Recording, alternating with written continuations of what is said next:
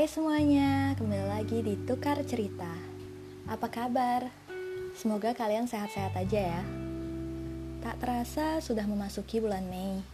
By the way, tahun ini aku benar-benar banyak banget denger cerita dari teman-teman aku kalau mereka ada yang putus, ada yang di ghosting gebetannya, ada yang ditinggal tanpa alasan, dan sebagainya.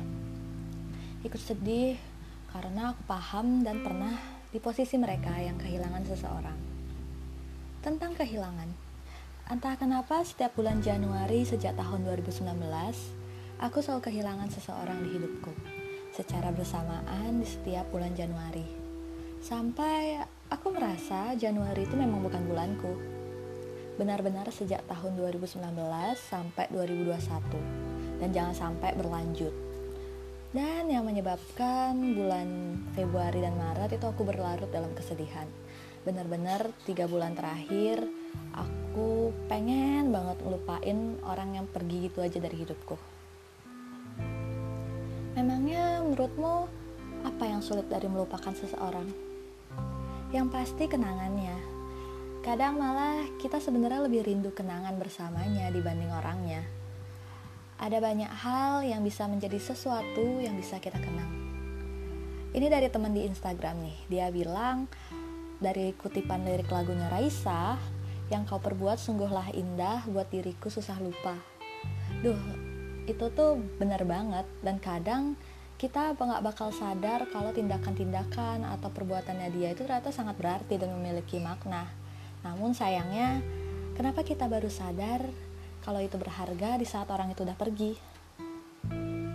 Selain tindakan, tempat juga bisa menyimpan banyak kenangan.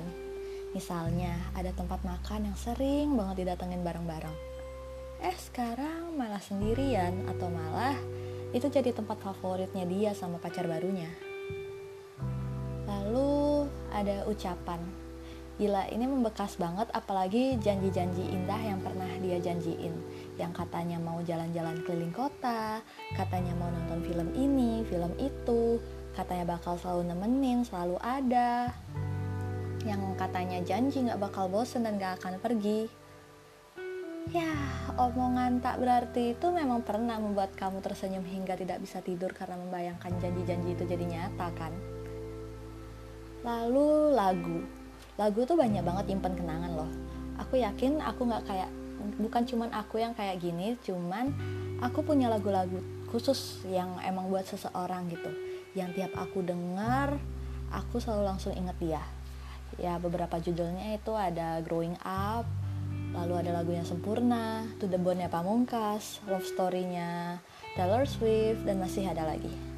Namun Sebenarnya kalau kita kehilangan seseorang yang sangat kita sayang, pasti semua hal akan mengingatkan tentang dia. Tapi hidup terus berjalan ya kan? Kamu harus sadar kalau dia udah pergi dari hidupmu. Kini adalah saatnya kamu berjalan dan kamu gak bisa terjebak di masa lalu. Setiap orang yang baru patah hati, yang terbesit di kepala pasti gimana caranya buat ngelupain semua hal tentang dia. Lalu sebenarnya cara terbaik untuk melupakan itu gimana sih? Seperti biasa, mari kita dengarkan jawaban-jawaban dari teman-teman di Instagram. Jadi, cara terbaik untuk melupakan adalah yang pertama, yaitu berdamai dengan masa lalu bukan berpaling. Memang sebelum memulai langkah baru, kamu harus berdamai dengan masa lalumu agar di masa depan nanti masa lalumu itu tidak menjadi penghambat dan memang harus dihadapi, bukan berpaling, bukan mengabaikan. Ya memang harus kamu hadapi. Lalu kedua, dengan dugem atau mabuk.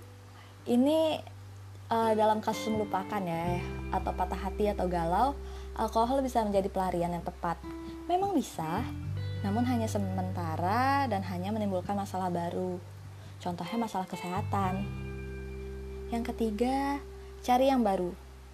Jujur nih, ini cara yang selalu aku pakai setiap putus dari mantan-mantanku. Dan menurutku tingkat keber keberhasilan melupakan dengan cara ini tuh 55, 50 banding 50 karena bisa kita sebut pelarian ya. Jadi ya bersyukur kalau kamu memang lari ke pelarian yang tepat dalam artian dia bisa membuatmu lupa akan masa lalu dan siap menjalani hubungan yang baru. Namun jika orangnya salah dalam artian si pelarian ini hanya memanfaatkanmu di saat kamu rapuh, di saat kamu di bawah, ya kasihan dirimu yang harus mengalami dua kali kehilangan dalam waktu yang berdekatan. Namun cara ini bisa kubilang sangat egois dan jahat karena sebenarnya yang kamu pikirin hanya bagaimana mengobati lukamu sendiri tanpa memikirkan orang lain. Dan bisa aja malah kamu yang membuat luka ke hati yang tak bersalah. Keempat, menghabiskan waktu bersama teman-teman. Memang ya, friends always together. Tapi ingat, jangan kamu cari temanmu pas sedih aja. Giliran udah move on, udah seneng, temennya malah ditinggal. Kan bang, eh, nggak boleh ngomong kasar di sini. Lanjut. Kelima, terbiasa. Jangan pernah menghindari apa-apa tentang dia, just let it flow. Perkataan bisa karena terbiasa berlaku pada cara ini kan. Memang pasti ada akan sakit hingga menuju terbiasa. Namun sekali lagi, kamu bisa karena terbiasa. Keenam, menemukan kenyamanan pada diri sendiri. Ini pas banget dengan quotes yang pernah aku dengar yaitu I lose you but I found myself. Ini cocok banget. Ini cara move on atau cara melupakan yang sangat aku sarankan karena ini hanya melibatkan dirimu sendiri jadi kamu bisa fokus ke untuk diri sendiri tanpa harus memikirkan orang lain yang gak penting dan kamu juga bisa mengembangkan passion diri kamu sendiri loh yang ketujuh memaafkan dan merelakan. Memaafkan siapa? dia. Enggak dong. Yang paling penting dan paling utama yaitu maafin diri kamu sendiri. Maafin apa yang udah terjadi. Gak harus maaf memaafkan dia saat itu juga. Aku yakin memang berat maafin dia, cuman yang paling penting maafin diri kamu aja sendiri dulu agar kamu bisa hid bisa hidup dan berjalan lagi. Dan merelakan merelakan dia yang memang udah gak ada sama kamu lagi, merelakan apa yang udah terjadi. Yang jelas, merelakan semua beban pikiran gundah yang ada di hati itu pergi. Terakhir dan yang paling banyak menyarankan adalah mengikhlaskan Jawaban dari pertanyaan bagaimana cara melupakan terbaik ialah sebenarnya nggak ada dan nggak akan bisa. Karena memang kita dari kecil diajarkan untuk mengingat, bukan melupakan. Mengikhlaskan, mengikhlaskan dia yang udah nggak ada di hidup kamu, mengikhlaskan dia lanjut hidup dan bahagia tanpa kamu, mengikhlaskan semua hal yang ia lakuin ke kamu akan ia lakuin bersama orang baru atau bahkan lebih.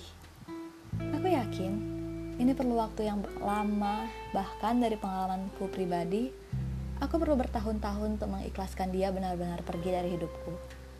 Karena aku memang udah ngelakuin semua hal yang aku udah sebutin di atas yang menghabiskan waktu sama teman-teman, gonta-ganti pasangan baru. Berkali-kali aku mengaku ke orang-orang, aku udah move on kok. Aku udah lupain dia, aku gak peduli dia lagi. Namun nyatanya setiap hal kecil tentang dia dan apa pun yang dia lakuin ke aku masih aku ingat betul. Dan akhirnya aku sadar yang aku perlu lakuin itu mengikhlaskan. Dan sekarang aku berhasil mengikhlaskan dia. Aku yakin dia udah bahagia dengan hidupnya dia dan begitu juga aku. Buat kamu yang sedang berpindah hati, terombang ambing kebingungan tersesat di laut karena mercusuarmu hilang dan redup, Bertahan. Aku yakin cepat atau lambat, kamu akan berlabuh ke pelabuhan yang tepat. Jangan terburu-buru, tidak ada yang sedang berlomba di sini. Jangan mengorbankan siapa pun untuk luka dari seseorang yang tak bertanggung jawab. Jadi, biarkan kamu sendiri yang mengobati sambil mengintrospeksi diri, membenahi diri, membenahi apa pun yang hancur, hingga kamu bisa jadi orang yang lebih baik ke depannya. Oke, sekian podcast hari ini. Aku harap kamu bakal cepat bisa menemukan pelabuhanmu yang baru dan cepat mengikhlaskan dia yang pergi gitu aja. Aku yakin kamu bakal dapat pengganti yang lebih baik, tapi itu nggak sekarang. Cepat atau lambat, aku yakin kamu pasti dapat yang lebih baik. Oke, okay. see you, bye.